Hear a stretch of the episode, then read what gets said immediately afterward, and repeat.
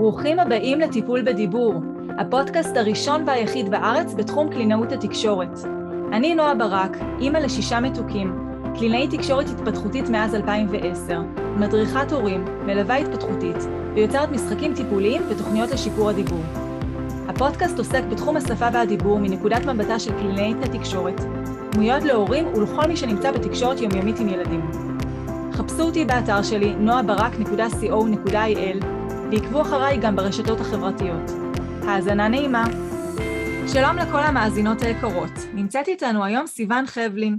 סיוון היא מרפאה בעיסוק כבר קרוב לעשור, כרגע גם סטודנטית לתואר שני בריפוי בעיסוק באוניברסיטת חיפה. סיוון בהכשרתה גם מדריכת הורים מטעם מכון אדלר, עובדת עם ילדים בגילי 3 עד 14, גם בבית ספר לתלמידים עם מוגבלות שכלית, גם בקליניקה הפרטית שנמצאת במרכז תל אביב, וגם עושה טיפולי ריפוי בעיסוק בקיר טיפוס בתל אביב, שזה בטוח נרצה לדבר על זה, כי זה נשמע מרתק במיוחד. סיוון, מה שלומך? בסדר, מה שלומך, נועה? תודה על האירוח. בשמחה רבה, תודה שהגעת. אמ, בואי נתחיל ככה באמת אה, מרקע כללי לטובת המאזינות והמאזינים שפחות אה, אמ, ככה מודעים לתחומים. אה, בואי נתחיל באמת מלדבר על בעצם התפקיד של מרפאה בעיסוק, מה זה אומר, מה הגדרות התפקיד. אוקיי. Okay. קודם כל, באמת נתחיל בזה שאנחנו מקליטות היום את הפרק ביום האישה הבינלאומי, ואת קלינאי תקשורת ואני מרפאה בעיסוק, וזה שני מקצועות ששמם הולך בנקבה.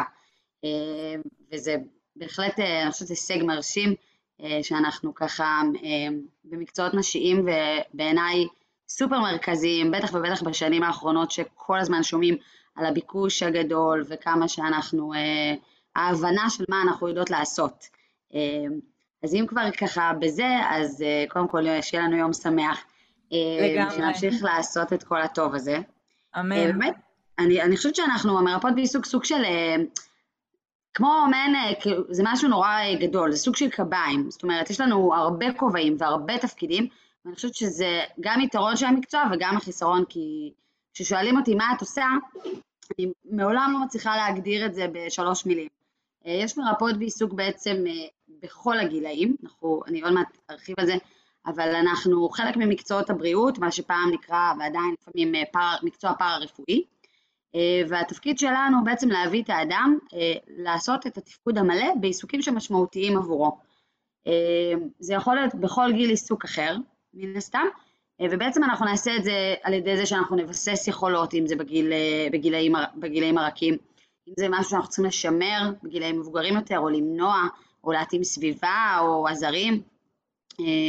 בעצם גם ארגון הבריאות העולמי מדבר על זה היום ש, שעיסוק הוא משמעותי, ושהשתתפות היא, היא חלק מאוד מאוד מאוד חשוב בעצם מהבריאות, זאת אומרת שאנחנו, הבריאות היא לא רק פיזית או נפשית, אלא באמת גם בנושא של ההשתתפות. זהו, ולכן ככה התפקיד של מרפאה בעיסוק בעצם להביא את ההשתתפות המלאה הזו. אז אם אנחנו עובדות עם ילדים, אני רוצה שילד בגילאים הרכים ישחק, זה העיסוק המרכזי שלו, ילמד דרך המשחק, בגילאי בית הספר כבר ילמד, בעצם הלמידה היא העיסוק המרכזי, ואני אני, אני חושבת שאולי אחר כך אני ארחיב קצת איך אני עושה את זה, מה את אומרת? כן, אפשר. אני חושבת שזה באמת מאוד טוב מה שאת אומרת, כי הרבה פעמים מרפאה בעיסוק מתקשר לנו עם מוטוריקה עדינה. אז זה חשוב באמת לציין שזה לא רק זה, זה גם התארגנות במרחב כמובן, וויסות חושי, וכל מה שקשור לתפקוד, כמו שאת אומרת, כל מה שמאפשר ומשפר את, ה... את התפקוד היומיומי. נכון.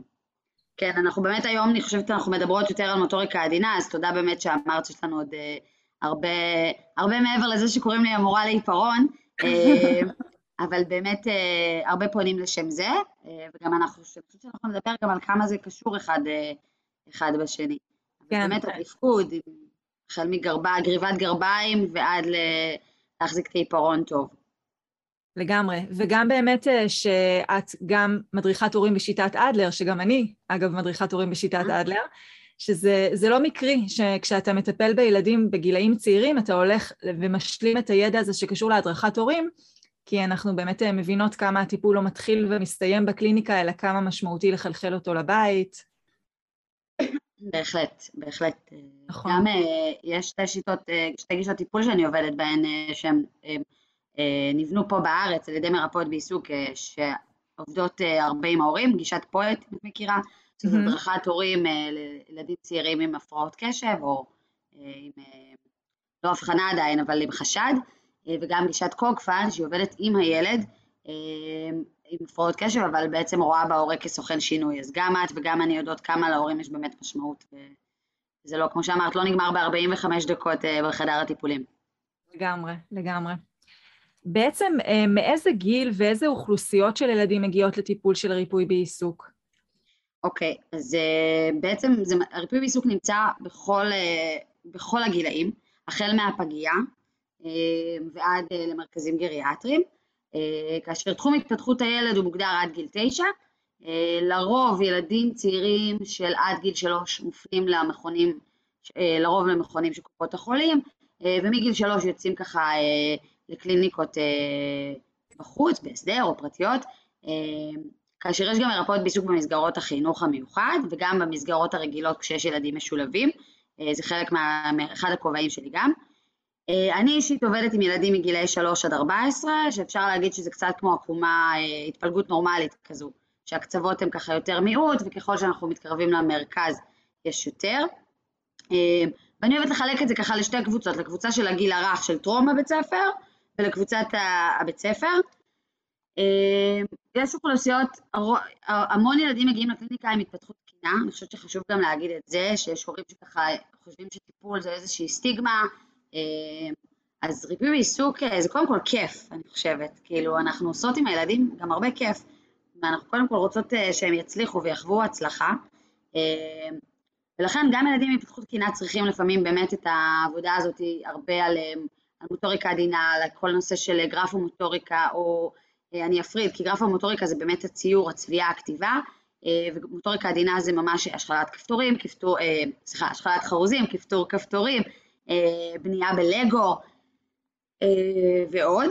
אז יש באמת את הנושא הזה, ויש ילדים שבאים אה, על עבודה על ויסות חושי, עבודה על התארגנות במרחב, כמו שציינת מקודם, סרבול מוטורי, ילדים עם הפרעות בתקשורת או עם, עם מוגבלות מוטורית כלשהי, קשיי קשב המון, כמו שציינתי מקודם, זה באמת נרחב. נכון, אני מאוד מתחברת למה שאמרת, שגם ילדים עם אה, תפקוד תקין, יכול להיות מצב שהם הגיעו לקליניקה, ובאמת אני גם רואה אה, הרבה פעמים שילדים מגיעים, מתחילים איזשהו תהליך טיפולי בגלל חשש לעיכוב, אצלי בתחום שלי זה דיבור, וכשאתה מתחיל לקלף שם קליפות, אתה הרבה פעמים רואה שזה יושב על חוסר ביטחון, על חוסר התנסות, כלומר, הקושי, אין פה איזשהו קושי אה, בסיסי שקיים, וברגע שאנחנו מעצימים ועצם. האינטראקציה האישית הזאת עם הילד, בין אם זה בבית באופן אישי, בין אם זה בקליניקה, זה כל כך מעצים ומחזק את הביטחון, ואז הוא מעז להתנסות יותר, ואז הוא משתפר יותר, וזה ממש ככה מתגלגל מעצמו. נכון, זה באמת גלגל. אני גם חושבת שככה אפשר הרבה פעמים לראות, אה, באמת אה, שיש ילדים שפשוט צריכים את החשיפה הנכונה, וכמו שאמרת, להדליק להם ככה את הניצוץ, אה, שהם יאמינו בעצמם, וזה ככה עושה את השינוי הגדול. נכון, ממש ככה. אני יכולה לשתף שהבת שלי, כשהיא הייתה בגיל שמונה חודשים, אנחנו הגענו לטיפול של מרפאה בעיסוק במקביל לפיזיותרפיה, כי היה לה גם את העיכוב בזחילה, ושם באמת הייתה הרבה עבודה סביב התארגנות, התארגנות במרחב, אז כמו שאת אומרת, כבר מגילאים ממש ממש צעירים, אם מזהים קושי, ואנחנו יודעות כמה טיפול מוקדם הוא משמעותי להמשך ההתפתחות, ברגע שמזהים שיש קושי ועיכוב, אז אה, כן, אז באמת אה, ממש מגיל כמה שיותר צעיר, ברגע שמבינים שיש עיכוב, אז זה המקום להתחיל לעזור לילד. נכון. אמ, סיוון, נשמח אם תשתפי אותנו ככה באמת בקצרה, בשלבים חשובים בהתפתחות של המוטוריקה העדינה ובכלל אה, במיומנויות שאנחנו מצפים לראות אה, מהתחום של, אה, של ריפוי בעיסוק, מה האורות האדומים שעלולים להידלק להורים ומצריכים התייחסות, כלומר מתי אנחנו רוצים באמת להתייחס לפער התפתחותי כפער שמצריך באמת התערבות חיצונית. אוקיי. Okay. אז באמת אה, זה ככה מתחבר גם למה שסיפרת על הבת שלך. אה, אני, אני אתייחס יותר אה, לגיל שאני ככה עובדת איתו, אבל אני כן אתן כן. ככה כמה מילים גם לגיל צעיר יותר. קודם כל, אני חושבת שאחד הדברים הבסיסיים באור אדום מבחינתי הוא, הוא מה שדיברנו מקודם על השתתפות, אז ההפך מהשתתפות היא הימנעות. זאת אומרת, מבחינתי אור אדום הוא קודם כל כשילד אה, אה, נמנע ממשהו.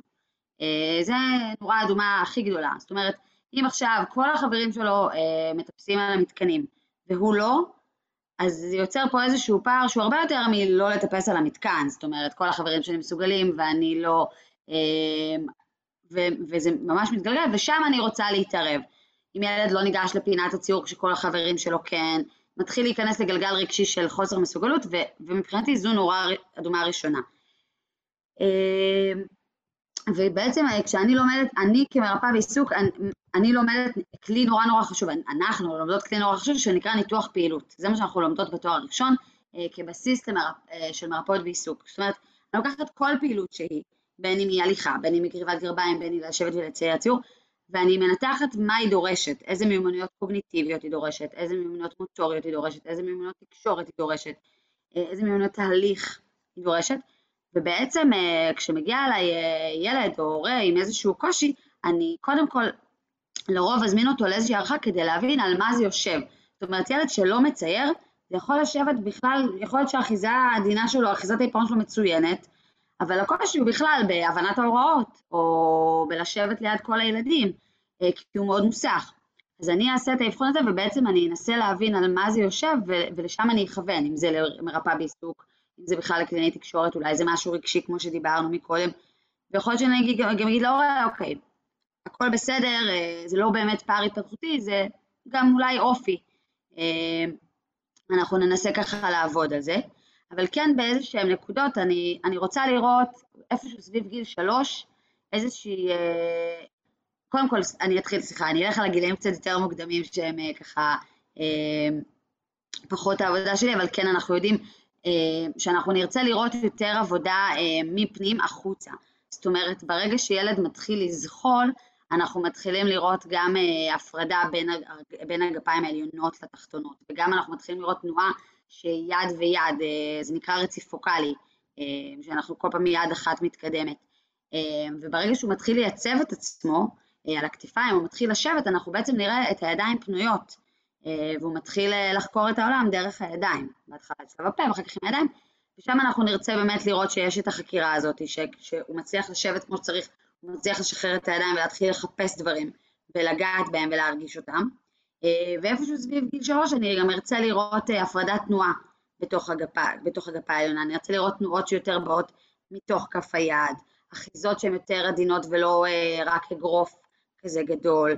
אני, אני מאוד אוהבת, אני מאוד אוהבת להגיד להורים לשים לב אם יש תשומת לב למשימות, זאת אומרת אם ילד גם מתאם בין העין ליד, זה מאוד חשוב ולא רק ככה אה, אני לא מדברת בנושא של אה, אה, קשר עין ותקשורת, אלא ממש שילד מסתכל על מה שהוא עושה, כי גם זה תהליך מאוד מאוד חשוב בהתפתחות. אני אצפה לראות איזשהו חיקוי ולמידה והעתקת צורות והשלמה של צורות. אני ארצה לראות ילדים שככה אנחנו תמיד רואים את הבנות הקטנות יושבות ומשרבטות וכותבות, כאילו כותבות אותיות, וזה, וזה משהו מאוד מאוד תקין. אנחנו נראה סביב גיל שלוש התחלה של ככה עיגול, לפני זה אנחנו רואים את השרבוט, את העיגולים שלא נגמרים, עיגול על גבי עיגול, אנחנו כבר נרצה לראות משהו עם התחלה וסוף, אה, לאט לאט סביב גיל ארבע אנחנו כבר נרצה לראות קצת יותר פינות, קווים, קו עומד, קו שוכב, אה, איקסים, קווים אלכסונים כבר מתפתחים קצת יותר מאוחר, בגיל אה, ארבע וחצי, חמש, ואני כן חשוב לי באמת שצריך לשים לב גם לטונוס שרירים, זאת אומרת, מבחינתי, גם כשמדובר במוטוריקה עדינה, הורה צריך מאוד מאוד לשים לב לנושא של חגורת הכתפיים, אנחנו בטח עוד נדבר על זה היום הרבה, אה, כי זה קשור גם אליי וגם אליך, אבל בעצם התשתית הגופנית של הילדים היא מאוד מאוד חשובה להתפתחות של מוטוריקה עדינה. כי אם אני לא מצליח לייצב את עצמי ליד השולחן, אני צריך לשים את המרפקים או אה, להשעין את הראש, אה, אני לא פנוי עם שתי הידיים שלי לחקירה הזאת ולעבודה. אנחנו נחפש גם ככה ילד שחוצה את קו האמצע החל מגיל ארבע, שמפתח דומיננטיות ידנית, אה, שבוחר יד. אה, אני אגיד רגע משהו על חציית קו אמצע, מה את אומרת? למה? כן, בטח, בטח. בעצם הגוף שלנו ככה סימטרי, ואנחנו, אם אנחנו מעבירים ככה קו, אה, קו דמיוני מלמעלה עד למטה, יש לנו את היכולת לעשות דברים גם בצורה סימטרית, כמו להדוף כדור או לזרוק כדור. שזה גם שלב התפתחותי יותר מוקדם, מחיאות הכפיים של, ה, של התינוקות, אנחנו רואים את זה כבסיס. אז בעצם בגיל היותר גדול, 4-5, אנחנו כבר נרצה גם לראות דברים שונים, זאת אומרת, יד אחת גוזרת ויד אחת מחזיקה את הדף. יד אחת יכולה להשחיל חרוז, להשחיל פטריה, ויד שנייה תייצב את הלוח.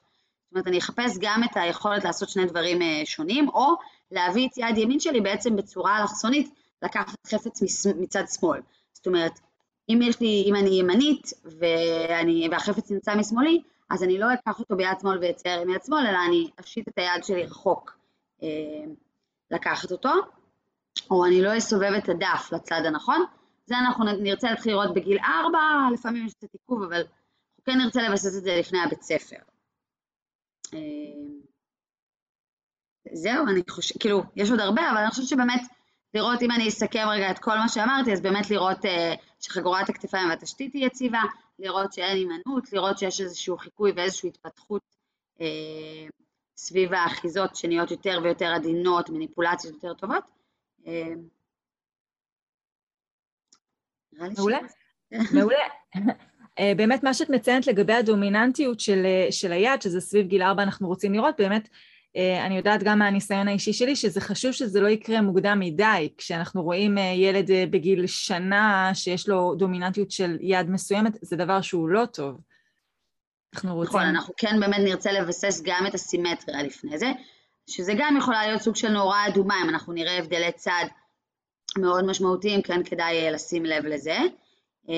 ועוד משהו קטן שבאמת ככה את מזכירה לי שלא התייחסתי, לפעמים יש פער בתחום מסוים שהוא מאוד משמעותי לגבי דברים אחרים. זאת אומרת, זה הרבה פעמים בא לידי ביטוי בקצב. אה, נגיד, זה משהו שרואים למשל בבית ספר יותר, אם ילד הולך מהר ואוכל מהר ו- וחושב מאוד מהר, אבל פתאום הכתיבה שלו תהיה מאוד איטית, אה, יש פה איזשהו פער שצריך לבדוק אותו. לעומת ילד שהוא כולו בקצב איטי, ואז זה חלק מהאופי שלו. אז אני חושבת שזה גם יכול אה, לסמן לנו מורה חשובה שכדאי לפנות לפחות לאבחון, כלומר גם ללכת לאבחון זה לא בהכרח אומר שצריך טיפול, אבל הרבה פעמים זה ככה מרגיע אותנו, אה, אני משערת שגם את וגם אני עושות את זה, לפעמים הולכות לרופא כדי לדעת ש... לגמרי. או כמה בדיקות קורונה עשינו בשנתיים האחרונות על כל אה, קחקוך בגרון. זה באמת אה, ככה גם מתחבר לזה שיש ילדים, כמו שאת אומרת, שהקצב העשייה שלהם באופן כללי הוא איטי, ובכלל ילדים שעד שהם לא בטוחים במיומנות מסוימת, הם לא מתנסים בה. אה, כמו ילדים שאנחנו רואים שהם ככה זוחלים, זוחלים, זוחלים תקופה ארוכה, פתאום מתחילים ללכת, או בתחום שלי ילדים שממלמלים, ממלמלים, פתאום מתחילים לדבר במשפטים, זה קורה, זה לא נפוץ, זה לא ההתפתחות הקלאסית שאנחנו רואים, אבל כן יש ילדים שהם ככה יותר הססנים או פרפקציוניסטים אפילו, שעד שהם לא בטוחים עד הסוף שהם מסוגלים, אנחנו לא רואים את ההתנסויות, אנחנו רואים אותם רק כשהם ממש כבר יודעים שהם יצליחו, ואז זה ככה מתפרץ. נכון, בהחלט. זה אה, גם. אולי גם כדאי להגיד שלפעמים כשיש איזושהי קפיצה בתחום אחד, יכולה להיות איזושהי רגרסיה גם אה, בתחום השני, אז אה, גם זה יכול, אולי הורים צריכים לדעת שלפעמים ילד פתאום עשה קפיצה מאוד משמעותית בשפה, יכול להיות שרגע הציור יונח בצד. והוא יחזור לזה. זהו. עצירה, לא בהכרח רגרסיה, רגרסיה זה, זה קצת מלחיץ נכון. אותנו יותר, אבל עצירה, נכון, לגמרי, ממש ככה. אנחנו יודעים שכמות האנרגיה שלנו מוגבלת, אם אנחנו משקיעים בתחום אחד, אה, בתחום התפתחותי מסוים, זה כנראה יבוא על חשבון תחום אחר, שהוא כרגע נעצר בהתפתחות שלו, ואז באמת אה, אחר כך זה יעבור לפה, זה, זה, זה קפיצה, זה קפיצות כאלה בהתפתחות, זה לא קו ישר אחיד כל הזמן, זה קפיצה, עצירה, קפיצה, עצירה, ככה אנחנו רואים את זה באמת אה, קורה, נכון. וכמו שאת אומרת, אנחנו יודעות שההתפתחות של המערכות השונות בגוף משפיעות ומושפעות אחת מהשנייה, אז אה, בואי ככה באמת נבין איך מערכת המוטוריקה העדינה משפיעה על ההתפתחות בתחומים שונים שהם לא בהכרח דיבור ושפה. אוקיי. Okay. אה, אז באמת, כמו שכבר אמרנו, הכל קשור בהכל. אה, אני חושבת שקודם כל, הזכרתי את זה מקודם, דרך המוטוריקה, בעצם המוטוריקה העדינה שלנו היא בכפות הידיים. כפות הידיים שלנו הן אזור בגוף שיש בו המון המון המון קולטנים אה, שמערכת התחושה. אה, לא סתם כשיש לנו חתך הכי קטן באצבע, יורד, יורדות לנו, יורד כמות של דם אה, ענקית ואי אפשר לעצור אותו. אה, באמת כי יש שם המון כלי דם, המון עצבים, אה, וזה במטרה באמת שאנחנו אה, נצליח לזהות אה, הרבה דברים, נצליח לעשות דברים מאוד מדויקים. אה, ובעצם חקירת העולם שלנו בגיל הרך היא דרך החושים, אה, אני אתן דוגמה שהיא ככה מאוד אה, בולטת, שילדים קטנים קופצים הרבה יותר ממבוגרים, או רצים הרבה יותר, ככה הם לומדים על, על, על מרחק ועל גובה ועל עומק של דברים, ומה זה נפילה ועל שיווי משקל, אותו דבר דרך כפות הידיים שלנו, אנחנו רואים את, ה, את הילדים, תינוקות, שהם רק מתחיל, מתחילים באמת להתיישב, הם ישר מושיטים את הידיים לעבר דברים, הם ישר, ישר רוצים להרגיש טקסטורה של משהו, אה, ולהפעיל אותו, זה נקרא מגע טקטילי, מגע קל, אה, ויש לנו באמת המון, את, את המון, המון המון קולטנים שלו בכפות הידיים. אה, דרך האחיזה או הלחיצה אנחנו גם לומדים להרגיש מגע עמוק יותר. אז קודם כל זה משפיע בעצם על ההתפתחות התחושתית שלנו, כשאנחנו נלמד לקלוט את העולם טוב יותר דרך החושים, אז גם בעצם ההתנהגות שלנו תהיה יותר טובה. ככל שנקלוט יותר מבוסת, אנחנו נלמד לאבד את זה ונצליח להוציא תנועה יותר נכונה. אמ, ואני חושבת שזה גם קודם כל, וזה גם בסיס בעצם לעצמאות. זה דבר נורא נורא חשוב. אמ, ילד ברגע שהוא לומד לעשות פעילויות של מוטוריקה עדינה ויש לו הפרדת תנועה טובה, הוא מצליח לרכוס את הרוכסן, הוא מצליח לכפתר את הכפתור במכנסיים, אה, מצליח, ילדה מצליחה לעשות קוקו, אה, מצליחים לנגב את הפנים אחרי הארוחה, מצליחים לנגב את, את הטוסיק, זאת אומרת, הכל הכל הכל מתחיל ונגמר בעצם בתנועות שהן הרבה יותר מדויקות ונכונות, ו, ובסוף כשילד אה, מתבגר, אנחנו כבר בגיל שנתיים רואים את ה... לבד, לבד, לבד, אני רוצה לבד, ואז הוא מתחיל לנגב את הפנים וכולו אה, ככה בכלל לכלך את עצמו, אז המיומנויות של המוטוריקה העדינה משפיעות גם בעצם על הביטחון ועל היכולת שלו אה, להיות עצמאי. אה, וגם המוטוריקה העדינה מושפעת, מושפעת ומשפיעה על התכנון המוטורי שלנו, אה, על תפקודים ניהוליים שקשורים בבקרה, בזיכרון עבודה. זאת אומרת, ככל שילד יתנסה יותר, הוא כבר מבין גם, אה, למשל, אם הוא צריך להחזיק כוס, הוא כבר יודע היום כמה, כמה כוח או כמה תנופה הוא צריך בשביל להרים כוס קטנה של מים, או לעומת סוכריית טופי, או אני, יש פה כזה מולי דברים שאני אומרת, או כמה משקל הוא יצטרך אה, בשביל לסחוב שקית מהמכולת, ולכן גם דרך החקירה הזאת הוא גם יודע לתכנן הלאה אה, בהמשך כמה כוח הוא צריך, או כמה אה, אנרגיה, או איך לתכנן הלאה את הדברים. לגמרי. זה יושב באמת על הזיכרון, כלומר, קודם כל זה, הוא, הוא מוצא את הוויסות הנכון, ואז הוא צריך להסיק מזה את המסקנות הנכונות, לזכור את זה, כדי שפעם הבאה הוא ישר יוכל כבר להפעיל את, ה, את מידת הוויסות הנכונה, ולא כל פעם מחדש להפעיל תהליך של למידה. זה בעצם מה שאנחנו רוצים אה, ליצור, באמת. נכון. את ההעברה הזאת, ולחבר את ההקשרים של כל הדברים. כמובן. כן, ככל שאנחנו פה מדברות על זה, אנחנו רק, אני חושבת ששתינו מבינות אה, כל פעם אה, כמה הדברים האלה מורכבים. לגמרי. כמה הם מורכבים, כמה הם קשורים, כמה הם משפיעים ומושפעים בכלל על ההתנהלות של הילד בעולם, הרבה מעבר ללצבוע, לגזור, להדביק וכאלה. נכון. כן. ממש ככה, באמת אה, יוצא לי לא מעט שילד מגיע אליי לטיפול בגלל קושי בדיבור, ותוך כדי הטיפול אנחנו גם מפעילים אה, פעילויות מוטוריות כחלק מחיזוק שיתוף הפעולה שלו, בין אם זה צביעה, בין אם זה אה, התמסרות בכדור, אה, גזירה, הדבקה. ובאמת, אז אני יכולה פתאום לקלוט, אוי, הוא צובע, הוא לא מחזיק טוב את העיפרון, הוא ממש צובע בצורה גסה ויוצא מהקווים, יש לו שם קושי עם ההדבקה. וכמובן, אני יכולה להמשיך אה, להפנות אותו הלאה להמשך אבחון של ריפוי בעיסוק, זה לא משהו שאני עושה. אבל אה, זה באמת אה, מסתדר לי הרבה פעמים עם איזשהו קושי בדיבור שיש לו, ואנחנו אמ, יודעים שזה החולשה או חוסר הבשלות המוטורית יכולים להשפיע גם על הדיוק של הדיבור, גמגום, כשיש שליפה, זה דברים שבעצם הכל קשורים אחד לשני. אז בואי באמת נדבר רגע, למה בעצם התחומים האלה כל כך קשורים אחד לשני, המוטוריקה והדיבור? אה, אוקיי, קודם כל, אה, אני באמת חושבת שככל שמתפתחות, שהתחומים שלנו מתפתחים ומתקדמים, אנחנו מבינים כמה הם באמת משיקים, וכמה הם ביחד.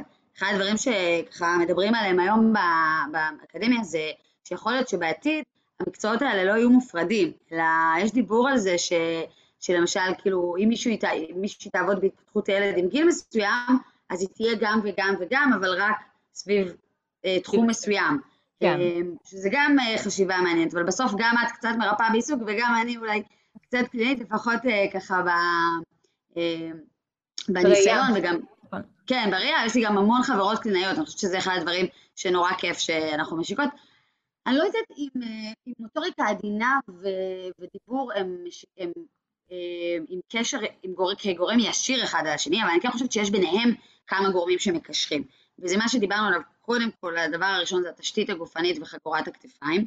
הפניה שאני, הפניות רבות שאני מקבלת זה הקלינאית תקשורת עובדת איתו על דיבור, על ריור, אמרה לי ללכת למרפאה בעיסוק שתעבוד איתו על חגורת הכתפיים. זה משפט אה, שאני שומעת קבוע, אז באמת אנחנו יודעים שחגורת הכתפיים משפיעה מאוד על הלסת, על שרירי הלחיים אה, והלשון, מה שקשור להיגוי, מה שקשור לאכילה, שזה מבחינתי גם תפקוד לא פחות חשוב, אה, שכולל בתוכו גם מיומנויות מוטוריקה עדינה. והוא בעצם באותו קשר גם לעיצוב של הגוף, שמאפשר אחר כך את העבודה של המוטוריקה העדינה ושל הפרדת התנועה הזו. אני חושבת שהנושא של ריור, לפעמים קצת מוטה הצידה, אבל יש לו משמעות מאוד גדולה. יש ילדים שזה נובע אצלם מטונוס נמוך, משרירים חלשים, או ילדים שיש להם בעיות של אף אוזן גרון. את יכולה לשמוע שגם אני נמנית בתוכם, וזה באמת משפיע ככה על המנח של הפה. הפה צריך להיות במנח מנוחה, אני, אני יודעת שאת, כאילו, זה יותר התחום שלך, אז אם אני אומרת משהו נכון, תתקני אותי, אבל בעצם כשהילד, אני רוצה שהוא יצייר, אני רוצה שהפה יהיה סגור. אה, אה, שהלשון תהיה במקום שלה, נכון, תהיה הפרדת תנועה. אה, הרבה פעמים כל הילדים שמראיירים, שהפה פתוח, שלא מצליחים לנשום טוב, זה משפיע על הכל בעצם. זאת אומרת, יש בנשימה משהו שהוא מאוד מארגן. הרבה פעמים כשילד מתחיל לקפוץ לי פה בבלאגן בחדר, אני אומרת לו, עצור רגע, תנשום, ובואו נתחיל מההתחלה. אה, אז בעצם גם הנשימה הזאת והיכולת שלו לסגור את הפה, להחזיק את הפה שלו, אה, היא משפיעה מאוד על, אה, על הציור. אני חושבת שגם הבנת ההוראות, ככה, והיכולת בכלל להבין מה אני מבקשת במשימה, או היכולת שלו לבטא את עצמו. אם אנחנו הולכות לנושא של התכנון, אז התכנון יכול לבוא גם בתכנון בדיבור וגם בתכנון של הוצאה לפועל של הציור. אה, אולי נרחיב על זה קצת אחר כך. אה, ואני חושבת שגם יש את הנושא שאנחנו רואים את כל הילדים שככה מציירים עם הפה גם, וגוזרים עם הפה, אז אה, גם להפרדת התנועה הזו אני חושבת יש איזושהי משמעות, כי לדעתי זה איזשהו סוג של פיצוי לפעמים. יש גילאים, אגב, צריך להגיד אולי לאמהות ששומעות, או להורים, אנחנו ככה זה, כן. של יש גילאים שזה בסדר וזה תקין, ו... אה, לא צריך להיבהל, אבל כן אנחנו נרצה שזה יופחת, כי זה כן סוג של פיצוי. זאת אומרת, כשילד צריך להפעיל הרבה כוח והוא מתחיל לגזור למשל בריסטול, אז משהו בתזוזה של הפה מפצה על איזשהו קושי שיש לו עם היד. ככה אנחנו נרצה גם לשכלל קצת את זה. בואי נגיד שאת סביב גיל ארבע, שלוש וחצי, ארבע, זה עוד סביר לראות את הפה משתתף בגזירה, ואחר כך כבר פחות נרצה. אה, כן. אני חושבת ששוב, זה... הכל גם עניין באמת, לא צריך להיבהל הרבה פעמים מכל פיפס קטן, זאת אומרת, זה שפעם ילד התאמץ וגזר בריסטול מאוד עבה וקצת פתח את הפה תוך כדי, זה עוד לא אומר שיש פה איזושהי בעיה. נכון. זה באמת להפעיל גם, כאילו גם פה צריך לראות שזה לא משהו שמפריע בתפקוד, לא משהו שהוא מאוד בולט, אה, ככה, אה, בעיניי. באופן כללי, אני לא בן אדם שגם להורים, אפילו זו הפרנסה שלי, אני אומרת להורים, לא על כל דבר צריך לשלוח לטיפול. יש גם דברים שהם, שהם בסדר ושיש להם את הקצב שלהם. לגמרי, נכון, לגמרי. בהחלט, אבל זה באמת טוב שיש עם מי להתייעץ, שאנחנו יודעים מהמקום המקצועי שאנחנו אה, עושים, אם במידה וצריך, אנחנו פועלים כמה שיותר מוקדם אה, לשפר את זה. נכון, כמו שאת אומרת באמת לגבי תפקודי הפה, זה, זה, זה ממש, שוב, כדור אה, שלג שמתגלגל, לא נושמים מאף כאף סתום בגלל אה, נזלות, בגלל נוזלים, המערכת שמה סתומה, המערכת שמאווררת את אה, אף האוזן גרון, תעלת האוסטחיאן, אצל ילדים הרבה פעמים מצטברים שם נוזלים והיא לא מאווררת טוב את המערכת, או מסיבות אחרות, ואז אי אפשר לנשום מאף, נושמים מהפה, נושמים מהפה זה אומר שהפה חייב להיות פתוח כדי שיהיה אפשר לנשום, הפה פתוח, אז השרירים לא מספיק מתחזקים שם, אין את הסגירה הטבעית שאנחנו רוצים בזמן מנוחה, אין את המגע של שפה בשפה, ואז אנחנו באמת אה, רואים גם שיבושים בדיבור, גם ריור, כמו שאת אומרת. אה, באמת חשוב להגיד שריור זה לא בגלל שהגוף מייצר עודף רוק, פשוט יש שם קושי בתזמון של הבליעה של, אה, של אותו רוק שנוצר באופן טבעי ותקין בגוף. ואז כמובן זה גם משפיע על הדיוק, על התנותיות של השפתיים והרבה על התזמון. כמו שציינת לגבי הפרדת התנועה, זה עניין של תזמון, מתי אני נושם, מתי אני משתמש בפה, מתי אני אשתמש בידיים, אז הסנכרון בין המערכות האלה זה באמת מה שמביא לנו את התפקוד התקין. את רוצה רגע שנגיד כמה מילים על נושא התכנון, על ככה כן, אפשר קצת להרחיב, כן, אפשר קצת באמת להרחיב. אז באמת ככה יש ילדים שיש להם קשיי תכנון, זה נקרא בעגה המקצועית שלנו דיספרקסיה או פרקסיה, יש גם את הקושי תכנון בפרקסיה של הדיבור, תדעי לדבר על זה קצת ממני, יש באמת את, ה, את, את הקושי בתכנון במרחב, הרבה פעמים אנחנו נראה ילדים במוטוריקה עדינה, זה יתבטא בזה שילד יצליח לעבור טוב על קווים, יצליח לצבוע בסך הכל טוב, אבל אחר כך אני אבקש ממנו לצייר את הצורה בעצמו, הוא לא יצליח, או לכתוב אות, הוא לא יצליח. הוא יצליח להקליד אותה, הוא יצליח לזהות אותה. אמ, הדברים שאני אומרת הם כן טובים אולי כדי לאבחן את זה אה, עבור הורה. זאת אומרת, לראות שאם יש הבדל, אם ילד כן מצליח אה, אה, בחיקוי לעשות משהו, אבל לבד זה קצת יותר קשה לו, אז צריך לבדוק באמת את התכנון ואת ההתארגנות שלו. נכון. נכון, באמת אנחנו יודעים, ובמקרה של דיספרקסיה זה באמת, כמו שאת אומרת, הקושי במעבר בין התכנון שהמוח נותן לבין הביצוע בפועל. כלומר, זה לא חולשה מוטורית, זה לא, התכנון הוא נכון, אבל משהו שם במעבר הנוירולוגי העצבי, אה, יש שם את הקושי. ובאמת הדרך שבה אנחנו עוזרים לילד להתגבר על הקושי הזה זה להפוך את הפעולות האלה לכמה שיותר אוטומטיות על ידי חשיפה וחזרות מאוד מרובות ואז ככל שזה נהיה יותר ויותר ויותר אוטומטי אז, אז קל יותר לשלוף את זה ובעצם להתמודד עם זה וזה משהו שמצריך כל פעם מחדש לתכנן כי זה כבר נכנס לפעולות האוטומטיות שזורמות אצלו יותר בטבעיות. נכון. ואגב, אנחנו גם נראה למשל גם את ההעברה הקשה, זאת אומרת שהוא יצליח אצלך עשר פעמים בקליניקה ובבית פתאום לא יצליח, אז זה באמת קצת תהליך יותר ארוך, כי כמו שאת אומרת, באמת שקצת לזה מסגרת נורא טובה גם אה, מבחינתי, איך, ש... איך שהגדרת את זה, אה, אז באמת אנחנו אה, נרצה כל הזמן לצמצם את הפער הזה, כלומר להקטין את הצורך בתכנון, להראות לו כמה שיותר אפשרויות כדי שהוא יוכל אה, להשתמש בהן. נכון, נכון לגמרי, שזה יהפוך להיות כמה שיותר אוטומטי וטבעי במגוון של סיטואציות. אמ, אנחנו כבר הבנו ואנחנו יודעות, ש... וגם דיברנו על זה, שכמה שחש... חשוב במידה ומזהים קושי באמת באבחון, יש קושי וחד משמעית הוא מזוהה, לטפל כמה שיותר מוקדם, אה, כי יש לזה השלכות, יכולות להיות השלכות רגשיות, חברתיות, תפקודיות, מעבר רק אה, לדברים המצומצמים שאנחנו מדברים עליהם.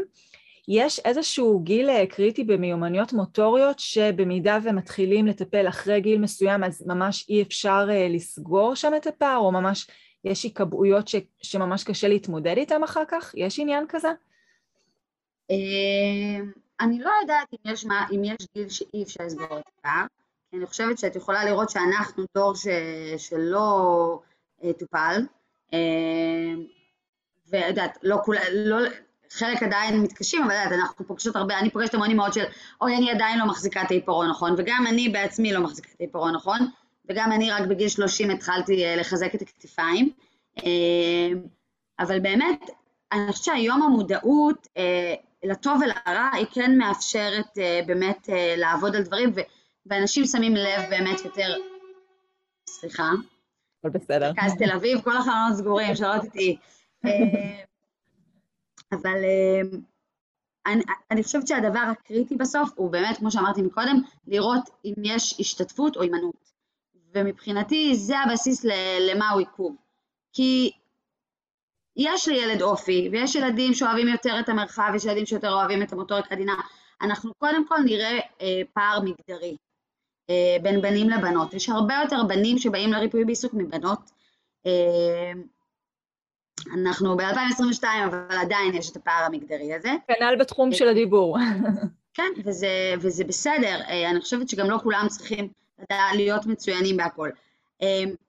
אני כן חושבת שחלון ההזדמנויות נכון לעבוד עם ילדים על מוטוריקה עדינה הוא לפני בית הספר, לפני שיש תסכול סביב כתיבה, או תחושה של חוסר ידע, כי הרבה פעמים ילד חושב שאם הוא לא מצליח אה, לצייר, אה, ילד, כאילו שהציור שלו הוא לא מאוד מאוד יפה, אז זה גם ישפיע על איך שהוא יכתוב, וזה לא בהכרח נכון. אז מבחינתי גיל חמש, כאילו גן חובה הוא גיל קריטי כשיש עיכוב. שוב, יש, בעיניי אם יש ספק אין ספק. זאת אומרת, אם הורה חושב שיש עיכוב, עדיף לבוא ולעשות אבחון. אבחון עוד לא אומר שישר הולכים לטיפול, אבל כן, אני הרבה פעמים אומרת לאימא, בואי, ניפגש, נראה את הילד, בואי בכלל נבין על מה הקושי יושב, כמו שאמרנו מקודם. אולי הוא לא מצייר כי יש הרבה רעש, אולי הוא לא מצייר כי, כי, כי הוא חושש שזה לא יצא לו יפה, אולי הוא לא מצייר כי הוא לא הבין את מה שהגננת אומרת, אולי הוא בכלל לא רואה טוב.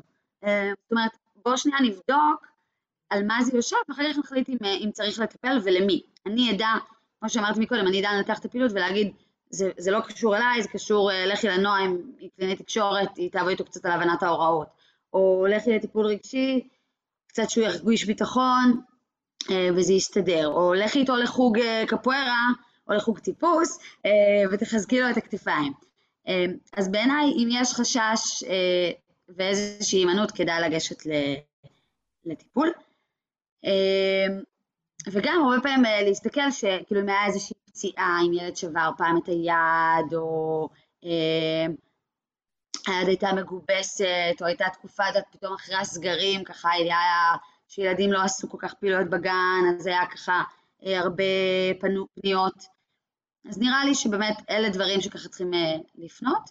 אה, ובאמת יש קשיים שככה עוברים. אני חושבת שגם לבשלות של ילד יש משמעות. יש לפעמים ילדים שבאים, שניים שלושה טיפולים לא מסוגלים לשתף פעולה, ואני אומרת להם, אוקיי, אני, אנחנו, אתה, אתה מבין שכרגע יש פה קושי, נכון? אתה רואה? בסדר, קח את הזמן, אלה הכלים, אני נותנת לו, את תמיד נותנת כזה תרגילים הביתה, תתאמן אצלי בבית, וכשתרגיש שאתה בשל לזה, אז תבואו שוב. אה, וזה עובד הרבה פעמים, כאילו, גם אני נותנת לילד את המנדט לפעמים להחליט שהוא בשל לטפל בזה. גם אנחנו, כנשים בוגרות, אנחנו יודעות שיש לנו הרבה בעיות. נכון. וזה שאתה יודע, זה לא אומר שאתה רץ לטיפול, לפעמים אתה צריך שנייה את ההבשלה הזאתי, לקבל את זה, ובסוף אתה בא לטיפול. אז אני חושבת שכאילו גם ילדים, עם כמה שהם צעירים בגיל, הם אה, לפעמים מאוד מכירים את עצמם. נכון, אני מאוד מאוד מתחברת, באמת אה, זה חייב לבוא מתוך שיתוף פעולה, מתוך רצון מוטיבציה, אם אין מוטיבציה שם, במיוחד בגילאים הגדולים יותר, אז באמת אנחנו לא יכולים, אה, לא יכולים לראות את ההתקדמות. אמ, ואני רוצה גם באמת לציין עוד נקודה שאני יכולה לספר מה, מהמקום שלי, של שיבושי היגוי, שקרה לי לא מעט שהגיעו אליי לטיפול ילדים, בני נוער, בגילי 14, 15, 16, בגלל שיבושים של הגאים, שהם אומרים אותם אחרת מהגאים אחרים, כלומר למשל אה, שין, שהם אומרים שין לטרלית, שין, שין. כלומר שזה נשמע, זה נשמע, זה לא נשמע צליל אחר, כן יודעים לזהות שמש, את, מבינים מה הם אומרים, אבל זה עדיין נשמע מאוד שונה מאיך שאחרים אומרים. זה הפריע להם מאוד, אבל מצד שני הם לא היו מסוגלים לשמוע את עצמם מדברים אחרת. כלומר, גם כשפתרנו את הבעיה הספציפית הזאת של, ה, של השיבושים, ו, אה, ולימדתי אותם איך להגיד, והם הצליחו להגיד את זה בצורה מדויקת, הם לא יכלו להתמיד בזה, כי הם אמרו, אני, אני מרגיש שאני לא שומע את עצמי. אז, אה, מעניין. כן, אז זה, זה גם עניין מעניין, שככה ככל שאנחנו גדלים וההיכרות שלנו את עצמי, את היכולות שלי מתבססת, האני שלי מתגבש, אז נכנס פה עניין של לשנות תהליכים, גם אם זה קשה, כן קשה לי לשמוע את עצמי ככה, אבל מצד שני יותר קשה לי לשמוע, לשמוע את עצמי אחרת, ואז אה, נכנס פה עניין... שיצחקו עליי. נכון. צריך לזכור גם שבאמת יש פערים ש... כלומר, ככל שאנחנו גדלים, דרישות הסביבה ודרישות המטלות הן אה, הולכות ו... וגדלות. זאת אומרת, דברים שמצופים מילד בן חמש, לא מצופים מילד בן שמונה. ויש דברים, או שיש דברים שהם נורא חמודים בגיל אה, חמש, ובגיל שמונה הם כבר פתאום, אה, רגע, רגע, רגע, מה קורה פה? לא עולה. וזה, ו... וזה בסדר, את יודעת, יש אימהות שמתקשרות אליי, שילד בכיתה ג' והן כל כך כועסות על עצמן, שהן לא קלטו את זה בזמן. אוקיי, אז קודם כל, אני, הדבר הראשון שאני אומרת זה להרגיע. אה, אנחנו, אנחנו נצליח לעבוד על דברים, ולא תמיד אפשר לשים לב להכל, ויש להורים אה, מעל, מטלות מעל ומעבר. אז אני חושבת שצריך לזכור שאפשר להגיע לדברים בכל דבר. נכון, יש יותר גמישות במוח שלנו, קצת יותר אה, גמיש לשינוי הרגלים בגילאים צעירים, אבל אנחנו כבר יודעים שאפשר ללמד אותו גם בגיל קצת יותר מבוגר, זה יכול להיות באמת יותר קשה לשנות אחיזה כשכבר ילד הוא בכיתה ג' והוא כבר שלוש שנים כותב אה, בצורה, אה, עם, עם אחיזה מסוימת, מאשר כשהוא בן חמש והוא רק מתחיל את התהליך. אז, אז נכון, זה ברור אה, שיותר קל בהתחלה, אבל שוב, יש ילדים שזה לא עניין אותם באותו גיל, ושהם ממש, זה היה הדבר האחרון שהם יכלו לשים עליו את הדגש, כי היו דברים אחרים יותר חשובים. אז אנחנו נעשה את זה כשזה כן יפריע להם. כמו שאמרת, בגיל 14 זה כן יפריע לו שהוא אומר שין אחרת מאחרים. כן, נכון. אני מאוד מסכימה, איסור המצפון, וגם אנחנו כאדלריאניות יודעות, אין להם באמת מקום, אנחנו יודעות שתמיד אנחנו האימהות הכי טובות שאנחנו יכולות, ההורים הכי טובים שאנחנו יכולים, עושים את הכי טוב שאנחנו מבינים באותה נקודת זמן, ובאמת אה, אין פה עניין של אה, להכות על חטא, אבל כן, אם מזהים משהו שהוא מעוכב, אז כן, אז מעתה והלאה לשפר את זה. נכון. אה, דיברנו בהתחלה על החוג טיפוס, קיר טיפוס, זה נשמע ממש מעניין, את נכון. רוצה קצת להרחיב על זה? אה, כן, אני אשמח. אה, בעצם אה, אני כבר הרבה שנים ראיתי את השילוב הכל כך ברור בין טיפוס לבין ריפוי בעיסוק. בעצם זה התחיל מההבנה המוטורית שיש לי סביב זה, שבעצם זה דורש עבודה על כל המרכיבים שדיברנו עליהם, על חיזוק, זה, הטיפוס עובד על חיזוק אצבעות וחיזוק כף יד וחיזוק כתפיים, ככה, וזה היה לי ברור שזה משהו שילדים שבאים אליי צריכים לעשות, אה, ולאט לאט התחלתי לטפס בעצמי.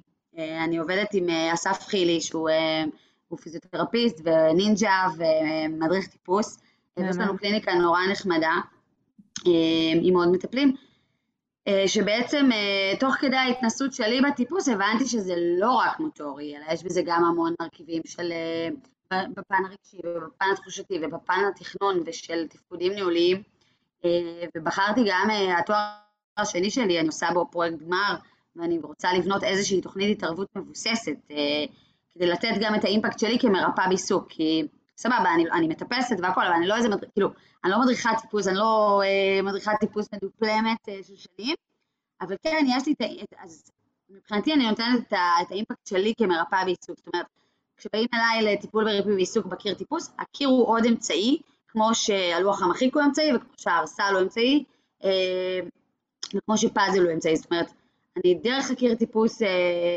אה, עובדת על המטרות שלי, שהם, אם זה חיזוק, ואם זה התכנון, ואם זה ההפרדת תנועה, ואתה יודע, דיברנו על זה מקודם, על המוטיבציה. אז הקיר טיפוס הוא תפס חזק בשנים האחרונות. ואתה יודעת, מבחינתי... נכון, כן, הודות כן, הודות לנינג'ה, וזה תחום אולימפי כבר, ובאמת אה, הקירות מלאים אה, ממש כל יום. אה, ואני חושבת שילד הוא, הוא בסוף אוהב להרגיש, את, כאילו כולנו אוהבים להרגיש את, את הנורמליות, את הסביבה הטבעית, והוא לא רוצה להגיד שהוא, יודעת, בא אליי פעם ילד שאמר, אני לא רוצה לאחר לבית ספר, כי אני לא רוצה להסביר למה איחרתי לבית ספר. עכשיו, אם אתה בא ואתה אומר, רגע, אבל הייתי בטיפוס, אז זה כבר אה, נשמע יותר מגניב, זה הרבה יותר מגייס אותם, ואני תולה להם, את יודעת, ילדים שלא אוהבים לכתוב, ואני פתאום תולה להם מילים על הקיר, אז הם באים והם מורידים את המילה והם כותבים אותה, והכל ככה הוא, הוא מאוד מאוד מגייס, אה, ומאוד טבעי. ואני שלחתי כל כך הרבה ילדים מהטיפול הישר לחוג טיפוס, אה, לטובת הדור הבא של מטפסי ישראל, וזה מדהים. ואני מזמינה אותך, בוא לטפס איתי. יאללה, וואי, אתגרת ממש עכשיו. יאללה, תעני לאתגר. יהיה לך כיף, זה מדהים. זה מקסים, את ממש הופכת את הלימון ללימונדה, ממש יפה, עשית שם את הטוויסט, במקום uh, שילד יגיד לא נעים לי כי אני מתפדח מהסטיגמה שאולי יגידו שאני מגיע לטיפול, אז זה בכלל לא מגיע לטיפול, זה מגיע למשהו שהוא מאוד uh, אטרקטיבי וככה נחשק, לטפס על קיר, ומתוך זה נכנסות המטרות הטיפוליות, אבל איזה יופי, עטפנו את זה במעטפת אחרת, ו- וכל התמונה השתנתה לגמרי. אני חושבת אה, ככה, אנחנו אחר כך קצת. נגיד גם להורים, אני חושבת שבסוף אחד היתרונות של המקצועות שלי ושלך זה שהורים אומרים לי, אבל מה, עכשיו אני אקנה את זה ואת זה ואת זה, לא, כאילו, אפשר, באמת, בסוף המטרות שלנו נמצאות בהכל. נכון. אפשר נכון. דרך הכל לעבוד על המוטוריקה העדינה. אני אתן לך קצת דוגמאות, אבל... אז באמת, דרך הקיר ודרך הגדר שנמצאת מתחת לבית, ודרך אה, מראה שיש בבית, על הכל אפשר לעבוד עם אמצעים שיש לנו, ואנחנו לא צריכים לעשות שום דבר מיוחד. ו... ואת יודעת, בסוף זה, זה מה שאנחנו רוצים, לייצר את, ה... את ההתלהבות מהכל. כאילו... לגמרי. לגמרי, אנחנו יודעות שאיפה שיש הנאה, יש למידה. אם אין הנאה, אם אין התלהבות, אין שם למידה משמעותית. ממש, ממש. ולא רק זה, ברגע שזה מערב פעולות יומיומיות, זה נהיה כל כך פונקציונלי ואמיתי מהחיים. כלומר, אני כן. עכשיו צריך לאכול שניצל, אני חייב לדעת איך לנעוץ את המזלג בתוך השניצל, אחרת אני לא אוכל לאכול אותו כמו שצריך. זה נהיה נכון. מאוד משמעותי. נכון. או לפתוח, עזבי שניצל, לפתוח לפתוח שוקולד. לגמרי. לפתוח צ'יפס. זה מיומנות מוטורית מאוד מאוד חשובה, ובבקשה, הורים, אם אתם רוצים לאמן ילדים בהפרדת תנועה, אז אה, לתת להם, לפתוח חפיסת שוקולד. מהמם, מהמם. או טופי, או... נכון, כמו שאת אומרת, זה לערב, זה נכון שכהורים זה לפעמים צריך קצת לפתוח את הראש, ו- וזה מצריך קצת גמישות מאיתנו ויצירתיות, אבל כמו שאת אומרת, הכל נמצא שם, ברגע שאנחנו, שהמטרה ברורה, זה לא משנה במה נשתמש, באיזה אמצעי, העיקר שזה מעורר מוטיבציה, הנאה ובאמת אה, רלוונטי ליומיום של הילד, זה פשוט שם. לא צריך שום דבר מיוחד אה, לרכוש בשביל זה. נכון. אני חושבת שאחד הדברים שלי חשובים, הרבה פעמים זה שהורה יהיה נוכח בחדר, אה, אלא אם זה, יש מקרים שזה קצת מפריע, אבל כי הוא בעצם מקבל את ההדרכה הזאת על הדרך. זאת אומרת, מבחינתי, ברגע שהורה מבין מה אני, מה אני רוצה, שאני רוצה למשל שה... איך, איך האצבעות יהיו, באיזה הפרדת תנועה ואיפה המרפקים צריכים להיות בזמן הזה, ברגע שאני אראה לו את זה, אני, אני מצפה שגם ההורה יעשה איזשהו תהליך של למידה ויבין, אה רגע, הוא יגיע בית ויבין, אוקיי רגע, גם לחתוך עם סכין דורש אותו דבר, גם לנעוץ כמו שאמרת מצלג, זה באותה אחיזה. הוא כבר ידע בעצמו אה, איזה פעולות מתאימות. את יודעת, אני מתה על זה שהורים אה, אומרים כך, וואי, את יודעת מה עשינו, ופתאום הילדים ממציאים וההורים ממציאים. זאת אומרת, אנחנו נותנים להם באמת את הכלי. אה, נורא חשוב לי להסביר גם להורה וגם לילד, תראה למה אני עושה את זה, כאילו, מה המשמעות של מה שאנחנו עושים פה. אה, למה אנחנו מחזיקים ככה. ברגע שהם מבינים את זה, אז קל להם באמת יותר להשתפר בזה גם. נכון. לא סטינו ממש, אבל... לא, זה, זה משמעותי, זה, זה מאוד משמעותי, נכון. זה באמת מה שאני עושה בתוכניות ליווי שלי, כלומר, אני כל הזמן אומרת, ידע זה לא העניין העיקרי, להבין מה עושים זה הבסיס, אבל מפה צריך ליישם, והיישום היומיומי בבית, וההתאמה לפעולות היומיומיות, ומה עושים שהילד מתנגד שם, או שאני לא יודע איך להתאים פעילות למשהו, שם זה באמת אה, נמדדת ההתקדמות המשמעותית. נכון, זה ממש ההכללה הזאת לבית. אמ, סיוון, בואי ככה לקראת סיום, ניתן איזשהו טיפ אה, משמעותי להורים אה, שאנחנו רוצים אה, לצייד אותם עם צעידה משמעותית לדרך. בכיף, אז, אז באמת ככה זה ממש ממשיך את מה שדיברנו עכשיו. אני חושבת שאחד הדברים החשובים זה באמת לא לחפש רחוק. כאילו לא צריך לקנות את הדברים הכי יקרים והכי מורכבים והכי זה אחלה, באמת, זה מגניב וזה כיף, יש לנו מגוון של משחקים שלא תמיד יש להם בבית, לכו על מה שקיים. אני אישית חושבת שהמטבח הוא בתור גרגרנית ואוהבת אוכל, אני עושה פה עם הילדים המון אה, במטבח. זה קודם כל ילד, אה, כבוגרת אדלר, את יודעת שילד רוצה להרגיש שהוא נחוץ ורוצה להרגיש שהוא יכול, רוצה להרגיש שהוא חלק מדברים.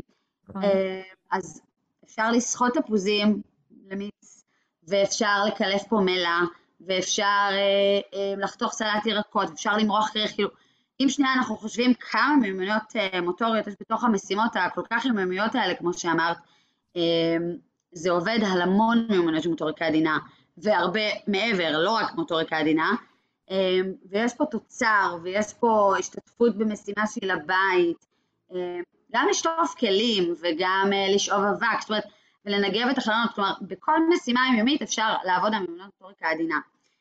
אז זה טיפ אחד שאני אומרת להורים, קחו את מה שיש מסביבכם. אמ, וגם אני חושבת שצריך לדבר רגע על, על לא לפחד לפעמים ממסכים. אמ, אה, אני מאוד אוהבת אה, לתת לילדים להקליד בטלפון. אה, זה גם הכרת אותיות, וזה ככה הרבה מיומנויות שאני לא יודעת, אבל יש פה הפרדת תנועה מאוד מאוד עדינה במסכים. אפשר לקנות עטים כאלה לאייפד, וזה גם עובד על אחיזת עיפרון, ובסוף זה מוטיבציוני, אז כאילו למה לא לאפשר את הדבר הזה?